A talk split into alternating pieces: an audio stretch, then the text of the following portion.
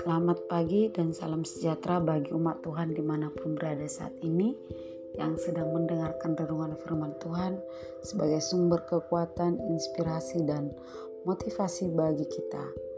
Pagi ini kita sudah tiba pada kitab Mazmur pasal yang ke-69. Mari kita bersyukur terlebih dahulu. Tuhan Yesus kami bersyukur atas kebaikan dan pemeliharaanmu yang begitu sempurna bagi kami Sebentar kami mau mendengarkan firman-Mu. Kiranya firman-Mu mengubahkan, menguatkan, memotivasi kami dan bertahan untuk setia dalam mengikut Tuhan. Dalam nama Yesus kami berdoa, haleluya. Amin. Setiap orang tentu menginginkan hidup tanpa masalah, jauh dari berbagai pergumulan dan penderitaan hidup. Akan tetapi, kenyataan membuktikan bahwa hidup yang kita jalani adalah suatu perjalanan kehidupan yang selalu diperhadapkan dengan berbagai masalah. Demikian juga pengalaman pemazmur Daud pada pasal yang ke-69 yang akan kita renungkan hari ini bahwa Daud mengalami kesesakan yang luar biasa. Ayat 1 sampai ayat yang keempat saya akan membacakan bahwa kesesakan itu sampai digambarkan seperti air yang telah naik sampai ke lehernya tenggelam ke dalam rawa yang dalam yang tidak ada tempat bertumpu. Telah terperosok ke air yang dalam, gelombang pasang menghanyutkan, lesu karena berseru-seru, kerongkongannya kering, matanya nyeri karena mengharapkan Allah. Mazmur pasal yang ke-69 ini terlihat betapa berat kesesakan yang menekan kehidupan pemazmur Daud. Dalam ayat-ayat selanjutnya dikatakan bahwa banyak orang yang membencinya tanpa alasan. Besar jumlah orang yang ingin membinasakan dan memusuhinya tanpa sebab. Namun ada pula kesesakan yang disebabkan karena iman karena imannya dan kesetiaannya kepada Tuhan serta cintanya kepada rumah Tuhan.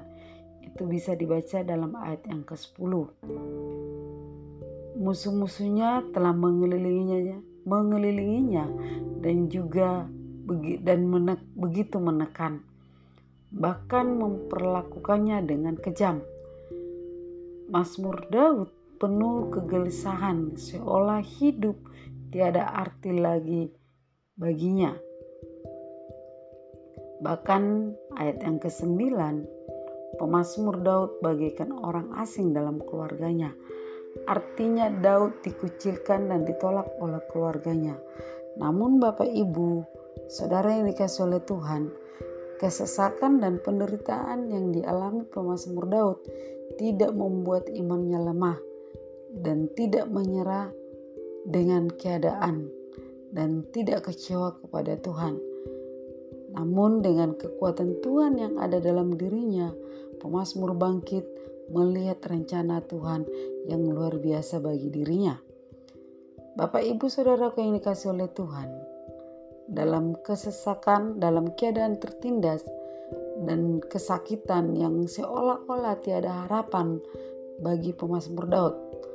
Pemazmur mengarahkan hatinya untuk berdoa, memohon pertolongan Tuhan, dan ayat itu bisa di, dilihat atau dibaca di ayat yang ke-14 Daud datang berdoa minta perlindungan dari Tuhan agar bertindak menyelamatkannya dan menghancurkan musuh-musuhnya. Saudaraku yang terkasih, setelah pemazmur mengarahkan hatinya dan berdoa, akhirnya Tuhan menolong, membebaskan dan melepaskan dia dari tekanan, dari kesesakan, bahkan menyelamatkan Daud dari kesesakan yang menekannya. Dan Daud pun Bapak Ibu Saudara yang kasih oleh Tuhan setelah Tuhan melepaskan dia menyelamatkan dia dari tekanan dan kesesakan Daud pun menaikkan puji-pujian kepada Tuhan sebagai ucapan syukurnya kepada Tuhan atas pertolongan Tuhan kepada Daud Daud menaikkan pujian kepada Tuhan dan saya akan bacakan ayat 31 sampai ayat yang ke-37 Aku akan memuji-muji nama Allah dengan nyanyian, mengagungkan dia dengan nyanyian syukur. Pada pemandangan Allah itu lebih baik daripada sapi jantan, daripada lembu jantan yang bertanduk dan berkuku belah. Lihatlah orang-orang yang rendah hati dan bersuka citalah. Kamu yang mencari Allah, biarlah hatimu hidup kembali. Sebab Tuhan mendengarkan orang-orang miskin dan tidak memandang hina orang-orangnya dalam tahanan. Biarlah langit dan bumi memuji-muji dia, lautan dan segala yang bergerak di dalamnya. Sebab Allah akan menyelamatkan Sion dan membangun kota-kota Yehuda supaya orang-orang di dalam sana dan memilikinya. Anak cucu hamba-hambanya akan mewarisinya dan orang-orang mencintai namanya akan diam di situ.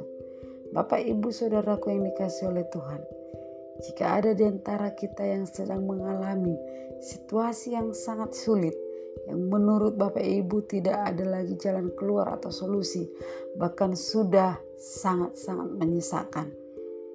Baik itu mungkin baik masalah dalam rumah tangga, perekonomian, pekerjaan, pendidikan dan masa depan anak-anak.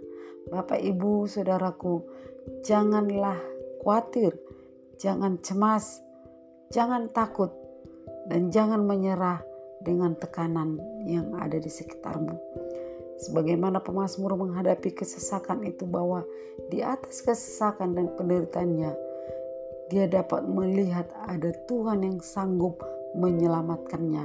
Itulah sumber sukacita abadi di dalam dirinya.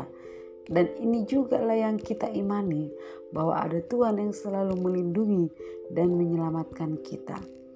Dalam kesesakan kita Bapak Ibu Saudaraku yang dikasih oleh Tuhan Seringkali kita merasa ditinggalkan sendirian Padahal Tuhan tidak pernah meninggalkan kita. Itu ada dalam Ibrani pasal yang ke-13 ayat 5b dan yang penting kita bertahan dan yang perlu kita lakukan Bapak Ibu kita bertahan serta setia mengikut Tuhan.